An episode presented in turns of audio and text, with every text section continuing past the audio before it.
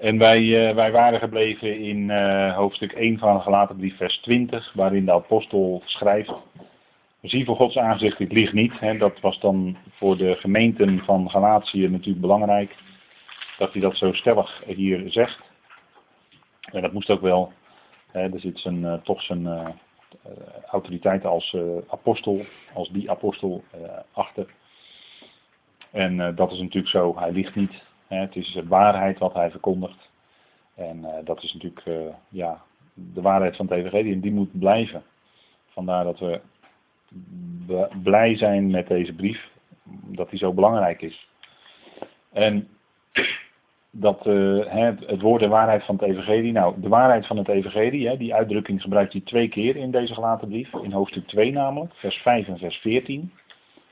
Als dan die hele kwestie met Petrus ook naar voren komt, maar daar zullen we het nog over hebben. Want dan gaat het ook over genade in de praktijk.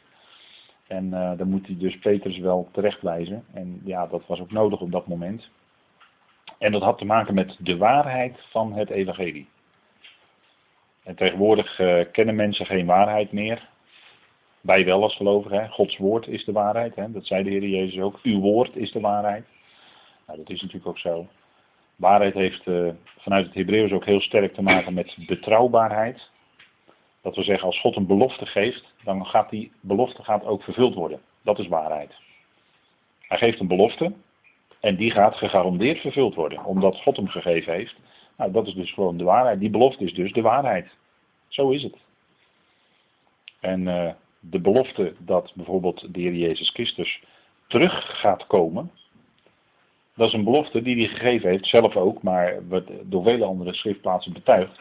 Die belofte, die zal bewaarheid worden.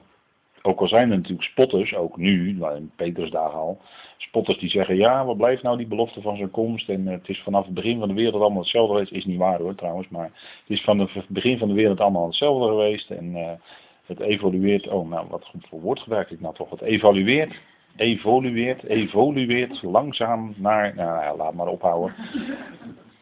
Weer gaat gewoon komen. Hij heeft zijn belofte gegeven, hij gaat gewoon komen. En hij trekt zich niets aan dan van hoe wij erin zitten. Maar hij komt gewoon op zijn tijd. Klaar. Hij zal ineens aanwezig zijn. Hè? Zijn parousia zal er ineens zijn. Die bezuin God zal ineens klinken. Misschien wel op een dag dat je het niet verwacht. Maar dan zal het wel gebeuren. En dat is natuurlijk geweldig. Want dan zal blijken dat die belofte die hij gegeven heeft, dat hij die belofte ook waar gaat maken. En het staat gewoon in het schrift. En dat is voor ons gewoon de waarheid. Daar kun je op bouwen, daar kun je op staan, daar kun je aan vasthouden. Dat is gewoon helder. En dat begrijpen van waarheid op die manier, ja, dat, dat hebben mensen niet meer vandaag de dag. Dat kennen mensen niet meer. Dan zeggen ze, ja, dat is voor jou, is dat waar? Ja. het is voor jou waar. Nee, helemaal niet. Het is waar omdat het hier staat. Daarom is het waar. Niet omdat ik nou voel dat het waar is of zo. Dat is helemaal niet belangrijk. Maar als God mij geloof geeft, dan beaam ik dat, dat het waar is. Nou, dat doen wij dus. Maar God geeft ons dat geloof. Ja, hoe weet jij nou zo zeker dat het waar is? Nou, omdat het er staat. Niet omdat ik het voel, maar omdat het hier staat. Daarom is het waar. En daarom zal het vervuld worden ook. Kijk, dat woord van God, dat is vast, dat is zeker. Al het andere is drijfzand. Echt waar hoor. Al het andere is drijfzand. Alleen het woord van God, dat is de waarheid en dat zal beklijven, dat zal stand houden. En al die beloften die hij heeft gegeven, zal hij ook vervullen. Absoluut zeker. En dat is natuurlijk een geweldig uitzicht wat ons dat geeft als gelovigen, als we verdriet hebben, als we troost nodig hebben, dan grijpen we toch naar het woord van God en niks anders. Als we troost nodig hebben, dan ga je die belofte van God ga je lezen, herlezen, tot, tot ze door je tranen heen dringen in je hart. En dan word je er weer ineens blij van. Dan blijven die tranen nog wel hoor. Maar dan word je er ook blij van tegelijkertijd. En dat is je troost. Hè? Dat is ook het enige wat echt kan troosten. Wij kunnen elkaar eigenlijk niet met onze woorden troosten. Dat gaat eigenlijk helemaal niet. Wat echt troost geeft is Gods woord. Dat is wat werkelijk een hart vertroost, opbouwt, bemoedigt, opbeurt. Want het spreekt van opstanding. En opstanding is het grote antwoord op al het lijden wat we nu om ons heen zien. En het lijden is vaak diep en moeilijk en akelig. En toch, als het moment daar is van die opstanding, dan zal blijken dat de heerlijkheid die dan komt, vele malen groter is dan het lijden wat wij nu meemaken. Dat is nou helemaal zo. En dat is onze hoop, dat is onze verwachting. Daar kijken we naar uit. Het is, de schepping leidt, maar het is in verwachting. In verwachting dat die zonen gods onthuld zullen worden. Daar wacht de schepping eigenlijk op. De schepping, hè? Dat die zonen van God onthuld worden is in de schepping. Dus dat is niet per se de aarde, maar dat is de schepping. Wacht op de onthulling van de zonen gods. En tot de schepping behoren ook nu de geestelijke machten. Dat zijn ook geschapen wezens, dat is ook de schepping. En wat buiten de aarde is, is ook de schepping hoor. Niet zo uh, zijn dat je veronderstelt dat dat, dat dat alleen met de aarde te maken heeft in Romeinen 8. Dat is, sorry dat ik het zeg, maar dat is wat naïef. Want er staat gewoon schepping. Romeinen 8. Er staat de hele schepping wacht op het onthullen van de zonen gods. Niet alleen de aarde. Alles wacht daarop. dat, is goed om dat te beseffen. Paulus schrijft naar het woord ktisis in het Grieks. Dat is schepping. Dat is wat God uit zichzelf geschapen heeft. scheppen is niet iets uit niets maken. Dat is een filosofische veronderstelling. Maar dat kan helemaal niet. Maar de schepping betekent dat het uit God is. Alles is namelijk uit God. Dus de hele schepping die wij kunnen zien, waarnemen en ook wat wij niet waar kunnen nemen, is ook uit God. Schepping is uit God. En zal daarom ook terugkeren tot Hem. Dat is natuurlijk geweldig, hè? Nou, dan, dan, dat is die schepping die wacht op het onthullen van de zonen Gods. En als dat gaat gebeuren, dan komt ook die heerlijkheid. Die heerlijkheid die al het lijden van nu in het niet zal stellen. De heerlijkheid is vele, vele malen groter dan het lijden van nu. Ja, dat is natuurlijk ongelooflijk, dat kunnen wij niet bedenken. Maar het zal komen, gegarandeerd, het komt. En het elke dag brengt ons dichter bij dat moment dat die heerlijkheid gaat aanbreken. Nou, dat is natuurlijk iets fantastisch. Hè? Nou goed, Paulus zegt, wat ik jullie nu schrijf, zie voor Gods aangezicht, ik lieg niet. Hij schrijft ook in zijn andere brieven over die waarheid, namelijk in Colossens 1 vers 5. Ik doe even een bloemlezing. Het woord van de waarheid van het evangelie. En Efeze 1 vers 13. Het woord van de waarheid, komma, het evangelie van jullie redding. Dat is Paulus evangelie hoor. Dat, uh, dat is luid en duidelijk. Nou, dat is dus de waarheid. Hij liegt niet. Hij spreekt de waarheid. En vandaar dat hij gestenigd werd, de stad uitgejaagd, de synagoge uitgejaagd, uh, onder gevaar was in valse broeders, onder valse broeders, in gevaar was in, uh, ja, waar was hij eigenlijk niet in gevaar? Maar hij verkondigde de waarheid. En de tegenwerker vindt dat niet fijn. Want het is ook de grote nederlaag voor de tegenwerker natuurlijk, als de waarheid verkondigd wordt. En vandaar dat de tegenwerker natuurlijk alles zal proberen om dat dwars te zitten. Daar heeft hij uh, een hele serie listen en lagen voor. En als je ze kent, dan zeg je op een gegeven moment, oh ja, dat is dat. Oh ja, dat is dat. En dan ga je dat gewoon herkennen. Want dan herken je ook dat het steeds dezelfde dingen zijn waarmee die probeert listen en lagen te zeggen. Ja, dan ben je er als gelovig al een beetje alert op. Dan heb je het wel wat makkelijker in die zin. Dan weet je uit welke hoek het komt. Die vurige pijlen enzovoort.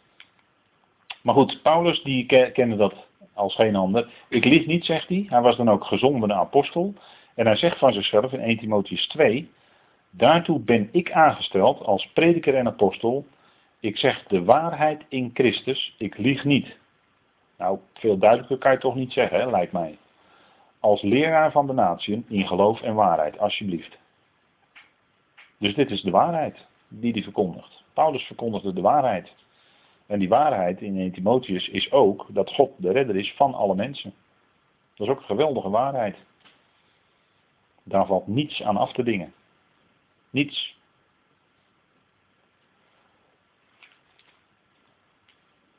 En uh, dat blijkt natuurlijk uit, aan alle kanten uit zijn brieven. Dus geweldig om naar hem te luisteren. Het is de gezondere van God, hè. Hij predikte in opdracht van Christus Jezus. Hij was het kanaal wat God aanstelde om dat bekend te maken. En uh, ja, Paulus is natuurlijk een waterval, want ja, hij ging maar door natuurlijk met spreken tot het uittigers uit het raam viel, weet u wel, van de derde verdieping. Paulus die ging maar door met spreken. Hij is uh, tot middernacht aan toe.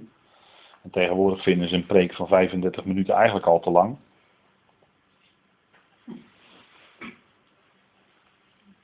Ja, nee, ik meen het serieus. Want het zijn serieuze klachten die soms binnenkomen. Dat een preek van 35 minuten is eigenlijk al te lang. Pas niet in deze tijd. Weet u wanneer ik dat ook hoorde? In 1970 in de gereformeerde kerk hoorde ik precies dezelfde klacht. Ja. En uh, we zijn nu, wat is het, ruim 40 jaar verder? Dan denk ik, ja, er is niks nieuws onder de zon, hè. Dat is altijd, hè, spreken, het woord moet korter. Altijd. Het moet altijd bekort worden. En dan krijgen andere dingen, die krijgen dan meer aandacht. Meer liturgie of zo. Of meer dit, of meer dat. Maar het woord moet altijd ingekrompen worden, moet altijd minder. Dus ik zeg het maar even. Dan weet u hoe het altijd gaat. Dus over, dat hoor je overal. Overal is het hetzelfde liedje. Maar Paulus die sprak gewoon tot middernacht. Die ging gewoon door.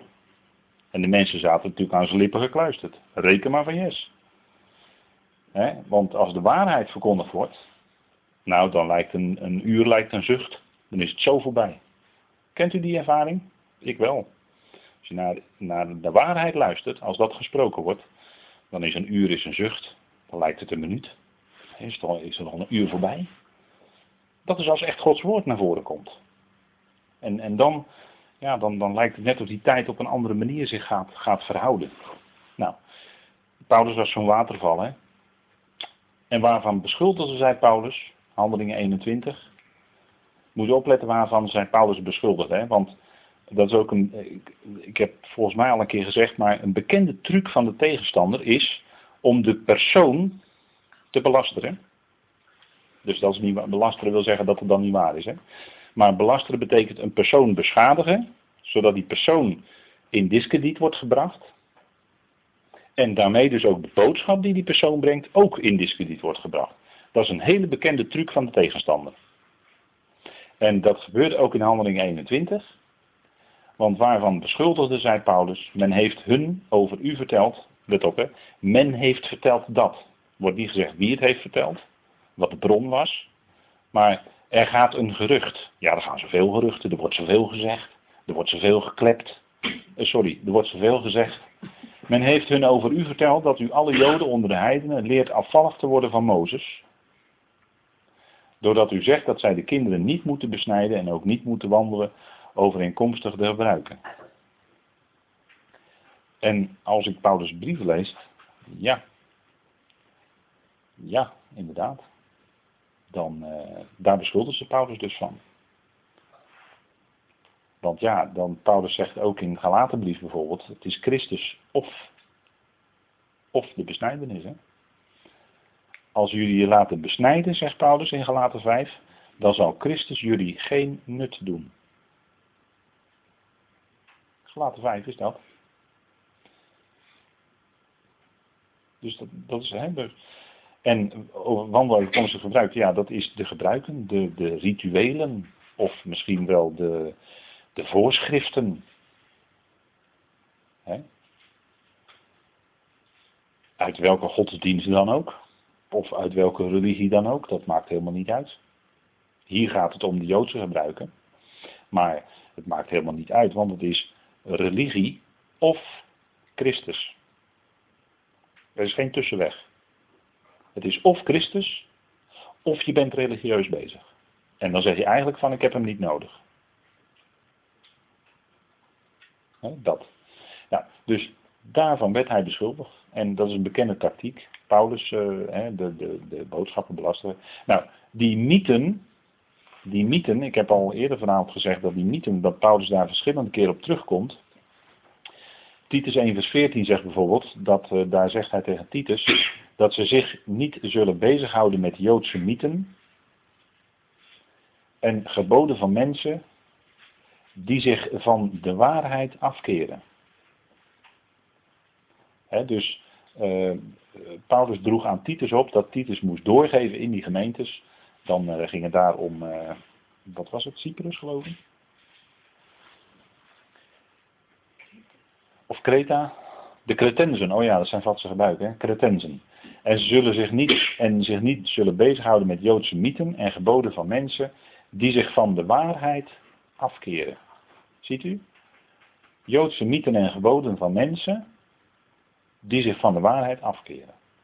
En mythen, dat heb ik al eerder gezegd, dat zijn verdichtsels. Dat is, dan ben je dus niet meer bezig met de waarheid, maar dan ben je bezig met verdichtsels. En uh, ja, dat is, dat is buiten de schrift. En uh, uh, iets, iets waar dat ook in te vinden is, is bijvoorbeeld de, de Chassidische beweging. Hè, de, dat zijn die zwarte, met zwarte hoeden en jassen enzovoort. Kent ze wel. En die beweging die is gesticht, en dat is een fotootje van de stichter, dat is de Baal Shem Tov. Ik, ik heb zijn graf gezien in Praag.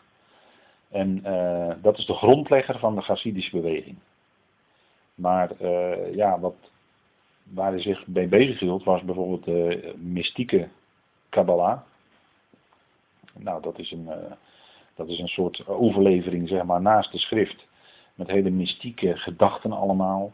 En uh, ja, dat, dat was ook al in Paulus' tijd. En mogelijk dat Paulus dan doelde op de, die Joodse mythen. He, die, die verdichtsels, de, de verhalen die er allemaal zijn. En ja, Paulus die is daar eigenlijk, die kende dat natuurlijk van binnenuit. Paulus was zelf opgevoed in het Jodendom, hè, in, in, aan de voeten van Gamaliel, dus die kende ze. Dat, dat systeem, nogmaals, dat judaïstische systeem, het judaïsme, is ontwikkeld in Babylon. We moeten goed bedenken, hè? in Babylon, hè? daar is het ontwikkeld. ze zaten bij de rivieren van Babylon, ver weg van huis, en ze verlangden terug. En ze wilden toch iets aan die religie doen, maar dat kon daar eigenlijk niet. En daar is eigenlijk, in die setting, is eigenlijk dat judaïsme ontstaan. Maar let op, in Babylon. En in Babylon, over Babylon wordt nooit positief geschreven in de schrift. Dus dat moet u wel goed bedenken.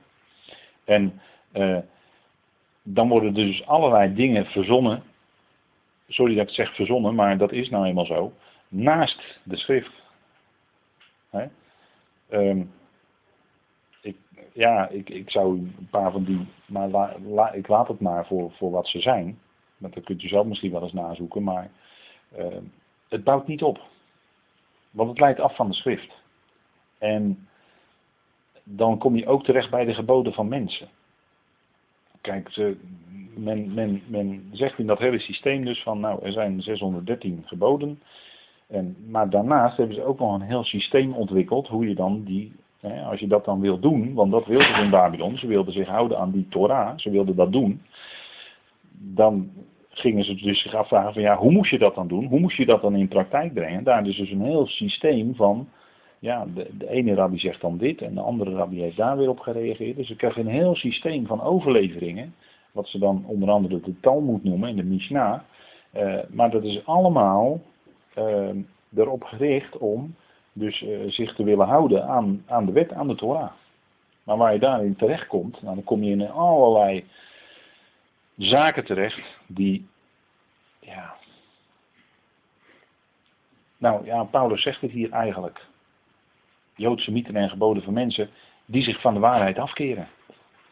Want je, je, je merkt dat mensen die uh, zich heel erg daarop gaan richten, gelovigen, die worden daardoor afgewend, afgekeerd van de waarheid.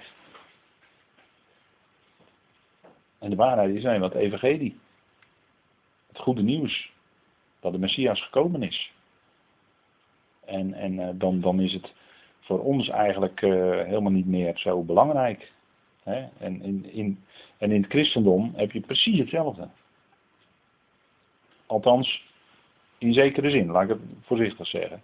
Maar daar, is, daar kent men ook van, ja, theologen, wat leren die? Nou, die leren wat professor zus en zus daarover gezegd heeft. En heeft dan weer een andere professor op gereageerd. En weer een andere professor heeft er ook iets over gezegd of heeft er een dissertatie over geschreven. Of, hè? Maar dat, dat is in feite hetzelfde. Dan gaat men zich afvragen van ja. Hè, en dan ook weer rondom rondom de wet, van ja, uit dankbaarheid de wet houden enzovoort. En hoe dan? Hè? Hoeveel meter mag je dan lopen op zondag? En uh, mag je dan weer met de, met de fiets of met de auto? En uh, mag je een ijsje kopen? En, en, noem alles maar op. Hè? Nou, dat soort dingetjes kom je dan allemaal in terecht. Dat wil ik eigenlijk zeggen. In dat soort dingetjes. En dat is, waar ben je dan mee bezig? Nou, dan ben je dus eigenlijk een bezig een heel stuk van die waarheid af. Dan laat je, laat je afleiden van die waarheid van het evangelie. En dat is, daarom komt Paulus daar verschillende keren in zijn brieven op terug. Op die mythen, op die verdichtsels. En dat is ook, bijvoorbeeld, maar Petrus zegt het ook. 2 Petrus 1, Petrus zegt het ook. Dan zegt hij, want wij zijn geen wijze of wijzelijk gemaakte mythen gevolgd, toen wij u de kracht en de komst van onze Heer Jezus Christus bekend maakten. En, en natuurlijk wist Petrus daar ook het nodige van. Het heeft een, een, een, misschien wel een roep van wijsheid. Hè? Of er wordt er misschien wel verwezen naar de oude wijzen. Maar daar moet je heel voorzichtig mee zijn. Want ja, je komt zo snel terecht in de, de wijze of wijzelijk gemaakte mythen. De verdichtsels. Of de fabels. Zo wordt het in de vertaling ook genoemd. De fabels. Maar dit, is allemaal naast de schrift. En, en dat is waar Petrus ook op wijst. Dus hij wijst eigenlijk toe naar de Heer Jezus Christus. En hij wijst dus weg van die mythen. Dat is Petrus ook. Absoluut. En Paulus, nog een keer in 1 Timotheus 4 komt hij er nog een keer op terug. Maar verwerp de onheilige en oudwijfse sorry voor het woord, ik verontschuldig me bijna voor, maar het staat er toch echt wel zo. Oudwijfse mythen, dus verwerp de onheilige en oudwijfse mythen en oefen uzelf in de godsvrucht. Oefen uzelf in de godsvrucht. En wat is je oefen in de godsvrucht? Genade, genade natuurlijk. Leven door genade. Gods woord als gelovigen met Gods woord bezig zijn, gebed, wandelen door geloof, dat is oefenen in de godsvrucht. Het evangelie van Paulus. En, en zegt hij, want de oefening van het lichaam is van weinig nut. Kijk, we lezen dat misschien altijd van, ja goed, sport, sport is leuk, maar je is niet te veel sporten, zo hè. Maar eigenlijk bedoelt Paulus hier iets anders ook, misschien ook wel, want hij keek ook wel eens naar de Olympische Spelen. Hij had het ook wel eens over de, degene die in de renbaan lopen, hè, de atletiekbaan. Dat, uh, in, de, in Paulus tijd waren er ook Olympische Spelen. Maar wat bedoelt hij? Ja, de oefening van het lichaam. Het kan ook zijn ascese, je onthouden van, vasten. Dat is ook oefening van het lichaam hoor. En dan zegt hij, het is van weinig nut. Bovendien bestaat er geen enkele Bijbelse opdracht om te vasten. staat, het wordt in de Bijbel wel gesproken over vasten, maar er staat nergens een Bijbelse opdracht om te vasten. Ook dat is weer even een punt, hè, om daar even bij stil te staan. En de oefening van het lichaam is er weinig nut. Kijk, je kan allerlei, ja, uh, misschien wel allerlei uh, houdingen, ik weet, ja, dat weet je niet, maar allerlei houdingen misschien leren om te bidden, misschien staand bidden of met opgeheven handen bidden of ook misschien wel een vorm, vorm oefening van het lichaam. Het is allemaal niet, dat is allemaal niet aan de orde. Paulus zegt de oefening van het lichaam is van weinig nut. Je kent ook binnen de Rooms-Katholieken heb je, heb je ook wel groepen die dan een zelfkastijding doen. Die, die slaan hun rug helemaal open. En bij de, bij de moslims vind je dat ook. Maar dat is allemaal van weinig nut. Zelfkastijding. Maar dat kan bevrediging zijn van het vlees hoor. Jezelf pijnigen. Totdat je rug misschien bloed tot bloedens toe open is geslagen. Maar het kan toch zijn bevrediging van het vlees. Dat je toch van binnen denkt van nou, dat heb ik toch maar gedaan voor, voor God. Maar de oefening van het lichaam is voor weinig nut. Dan zegt hij, oefen nu zelf in de godsvrucht. Want dat is nuttig tot alle dingen. En hij wijst dus weer weg van de mythen. Hè? Nou goed, we gaan terug naar Galaten 1. En dan zegt hij, vervolgens, dus nadat hij in Jeruzalem geweest was, kwam hij in de gebieden van Syrië en Cilicië. En dat kwam omdat hij in feite daar ja, eigenlijk niet echt welkom was. Dus toen ging hij weer weg. En Syrië en Cilicië, uh, even kijken, Syrië ligt hier ongeveer. Ja, ik kan het, uh, dat is ook ja. nu aanwijzen zo. Hier ligt ongeveer Syrië. Hier had je Antiochië van Syrië. Oh, en Cilicië ligt hier ongeveer, hier. Je ziet het ook wel als je goed kunt, als je het van een afstandje kan lezen, zie je het hier ook staan. Cilicië. En dan lag hier zo'n beetje, dacht ik, Tarsus. Dat lag ook in Cilicië. Dat was Paulus' geboortegrond. Dus toen ging hij vanuit zeg maar, de omgeving Jeruzalem, waar hij dan geweest is bij Kefas, ging hij naar Syrië en Cilicië. Dat zegt hij dan in de gelaten brief, vers 21. En hij had, hoe kwam dat nou? Nou, hij kreeg twistgesprekken met Hellenisten. Wat waren Hellenisten? Die, die worden in uw vertaling genoemd Grieks sprekenden. Maar dat wordt in de grondtekst eigenlijk genoemd Hellenisten. En wat waren die? Dat waren Joden die gevormd waren door de Griekse cultuur. Die stonden open voor de cultuur om hen heen, de Griekse cultuur. En die waren daardoor gevormd. Dat waren Hellenisten. Nou, daar kreeg Paulus twistgesprekken mee. En uh, zij wilden hem doden, want daar leidde het uh, toe. Want Paulus, ja, die liet natuurlijk zien hoe het zit. En dat vonden ze niet aangenaam kennelijk. En ze wilden hem doden, dus hij moest vluchten. En zijn broeders leidden hem dan naar Caesarea. En ja, Caesarea dat ligt, um, kijken daar. Of ja, Caesarea, dacht hier. En toen ging hij van Caesarea dus verder naar het noorden toe. En dan krijg je daar zo die bocht. Dan heb je daar zo uh, en daar is zijn geboorteplaats Tarsus. Vandaar naar Tarsus en de Tarsus, zijn geboorteplaats, ligt in Cilicië. Hier zien we het nog een keer op een wat groter kaartje. En dit is dan zeg maar uh, zo'n beetje Syrië, toenmalige Syrië. En hier Cilicië zo. En dan zien we dus later dat Barnabas, dat lezen we dan in handelingen, Barnabas vertrok naar Tarsus om Saulus te zoeken. En toen hij hem gevonden had, bracht hij hem naar Antiochieën. Dus toen bracht Barnabas hem vanuit Tarsus dus dat is dan hier naar het Antiochieën in Syrië. Je had namelijk hier ook een Antiochieën in Pisidië. Maar het ging hier om het Syrische Antiochieën. Plaats die vernoemd was naar Antiochus Epiphanes. Een van die, eh, een van die uit die oorlogen, weet u wel. Tussen de Ptolemeën en de Seleuciden. Dat was Antiochus een van de noordelijke koningen, als ik het goed zeg. En uh, daar werd dus Antiochieën daarna vernoemd. Daar was dus een gemeente. En dan zegt hij, ik was echter onbekend van aangezicht aan de uitgeroepen gemeenten van Judea die in Christus zijn. Dat wil dus zeggen, die gemeentes, dat waren Joden-Christengemeentes. En dat waren dus niet gemeentes die ontstaan waren door de bediening van Paulus. Maar dat waren gemeentes die ontstaan waren door de bediening van het evangelie van de besnijdenis, door Petrus. En Paulus was daar niet geweest. Hij was van aangezicht onbekend aan de uitgeroepen gemeente van Judea die in Christus zijn, in de Messias. En dat is natuurlijk ook belangrijk dat Paulus dat opmerkt, want dan laat hij opnieuw zien dat hij dus niet door die gemeente onderricht was. Hij had dus geen onderwijs ontvangen in een van die gemeentes.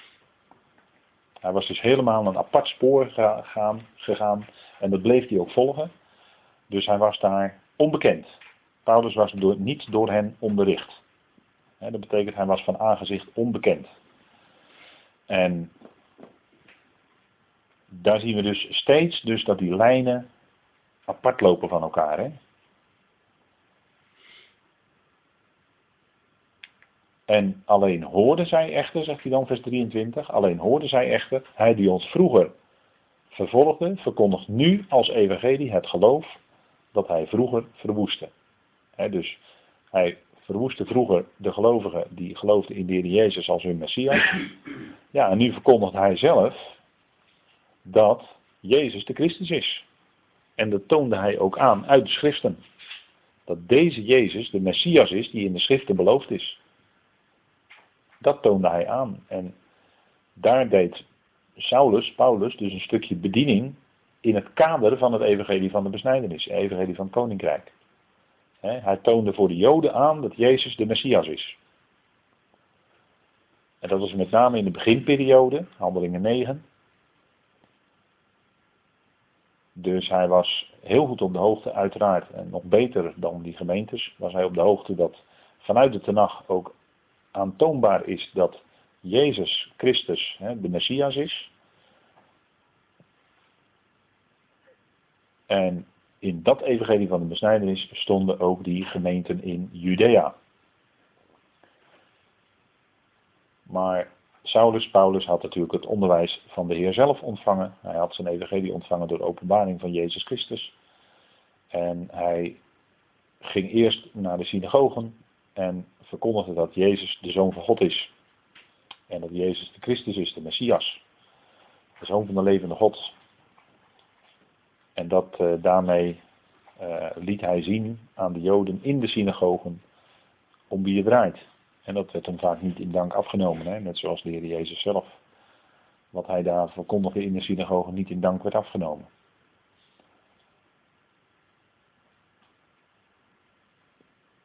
Dus zo ging dat in die tijd. Hè? Dus zij spraken over hem. En ze waren eigenlijk in het begin ook een beetje, ja, voorzichtig. Maar ze kregen wel in de gaten dat hij inderdaad ook dat geloof in de Heer Jezus Christus verkondigde. In die zin verkondigde hij natuurlijk zeker voor een deel, als het gaat om dat de Heer Jezus de Messias is, dat hij gekruisigd is en opgewekt is uit de doden. Ja, dat verkondigde zowel Paulus als de apostelen van de besnijdenis natuurlijk. Dat is natuurlijk fundamenteel in beide evangeliën. Dus dat verkondigden ze allebei. Maar dan verder de diepe uitwerking van het kruis, wat het te betekenen heeft, dat vind je alleen bij Paulus. De hele diepe doorwerking, diepe betekenis van het kruis, dat vind je alleen bij Paulus. Dat vind je niet bij anderen. En dat is ook omdat Paulus die nieuwe schepping bekend mocht maken. Dat, dat vind je niet bij een Petrus of een Jacobus of een Johannes. Paulus maakte bekend, je bent in Christus een nieuwe schepping. Het oude is voorbij gegaan, zie je, het is alles nieuw geworden. Maar dat is niet de boodschap die in het evangelie van de besnijdenis klinkt. Begrijpt u? Dat zijn echt diepgaande verschillen hoor. Paulus laat als geen ander, en er is niemand anders die dat weet, alleen Paulus laat de diepe doorwerking en de betekenis van het kruis zien. Dat er dus een einde is gemaakt aan het oude, en dat dus dat nieuwe is gekomen. Maar het oude is ook voorbij. En, en, en dat gold niet in de evangelie van de beschrijving. Want dan heb je nog duizend jaar lang dat oude, die oude schepping. Waarin zij staan in het evangelie van het koninkrijk. Maar dat is oude schepping. En bij Paulus gaat het om de nieuwe schepping. Dat is fundamenteel anders. Dus dat zijn hele diepgaande verschillen hoor. Als het gaat om de twee evangeliën. Goed. En dan uiteindelijk die gemeenten, wat deden zij? Zij verheerlijkten God in mij. En ik denk dat dat een, dat Paulus dit, deze, deze woorden heeft opgeschreven met heel veel vreugde. Want zij zagen dat hij veranderd was. Ze zagen dat hij ook Jezus als hun Messias verkondigde. En zij verheerlijkten God in mij. En daar ging het Paulus natuurlijk ook om. Dat God verheerlijkt wordt. En dat is misschien wel erg fijn om dan vanavond mee af te sluiten. De verheerlijking van God. Want dat is waar de hele, het hele plan van eonen toe zal leiden. Dat is tot eer en verheerlijking van die grote God. Die al zijn beloften dan waargemaakt zal hebben. Als het plan eenmaal voorbij is, zal dat, zal dat gebleken zijn aan alle kanten. Dat al die beloften die hij heeft gegeven, die heeft hij waargemaakt. En er is dan geen spoortje meer van vijandschap. Maar er is vrede. Vrede in heel de schepping. En iedereen is dan levend gemaakt. En er is geen spoor meer van zonde. Geen spoor meer van rebellie. Maar alles zal dan zijn knieën buigen. En dat zal zijn tot eer en verheerlijking van God. En een heel klein voorbodetje was toen, dat die gemeentes toen God in Paulus verheerlijkte. En dat is ook waar ons leven toe bedoeld is. En waar we ook onze knieën en onze tong voor kunnen gebruiken. Om God te verheerlijken. En ook met ons leven. Hè, in ons leven. God te verheerlijken. Zij verheerlijkten God in mij. En dat is waar ook al het lijden wat er nu nog is in de schepping toe zal leiden. Namelijk tot heerlijkheid. Het zal leiden tot verheerlijking van God. Want wij als schepselen zullen Hem prijzen. En we zullen beleiden met Paulus dat alle dingen inderdaad uit Hem en door Hem en ook tot Hem zijn. En dan kan Paulus niet anders zeggen dan Hem zij de heerlijkheid. En dat is dan in heel de schepping. Zal alles zijn tot lof en eer en verheerlijking van die grote God die het alles heeft bewerkt. Nou, ik denk dat dat goed is om daarop amen te zeggen.